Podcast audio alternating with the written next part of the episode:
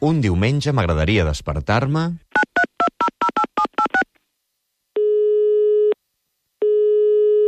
Hola, aquest diumenge m'agradaria despertar-me amb poesia. Concretament m'agrada molt l'últim llibre de la Dolors Miquel que es diu La dona que mirava la tele. Hola, sóc la Dolors Miquel i us llegeixo un fragment del meu llibre La dona que mirava la tele.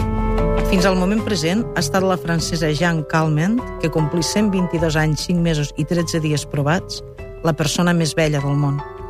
L'edat dels éssers que neixin, dels embrions congelats, és un enigma ara per ara. El temps congelat no deixa de ser una mena de temps.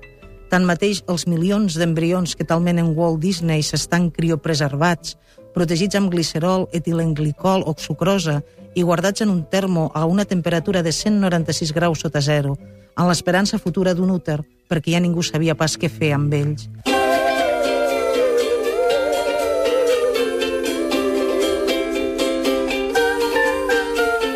I a tu, com t'agradaria despertar-te un diumenge?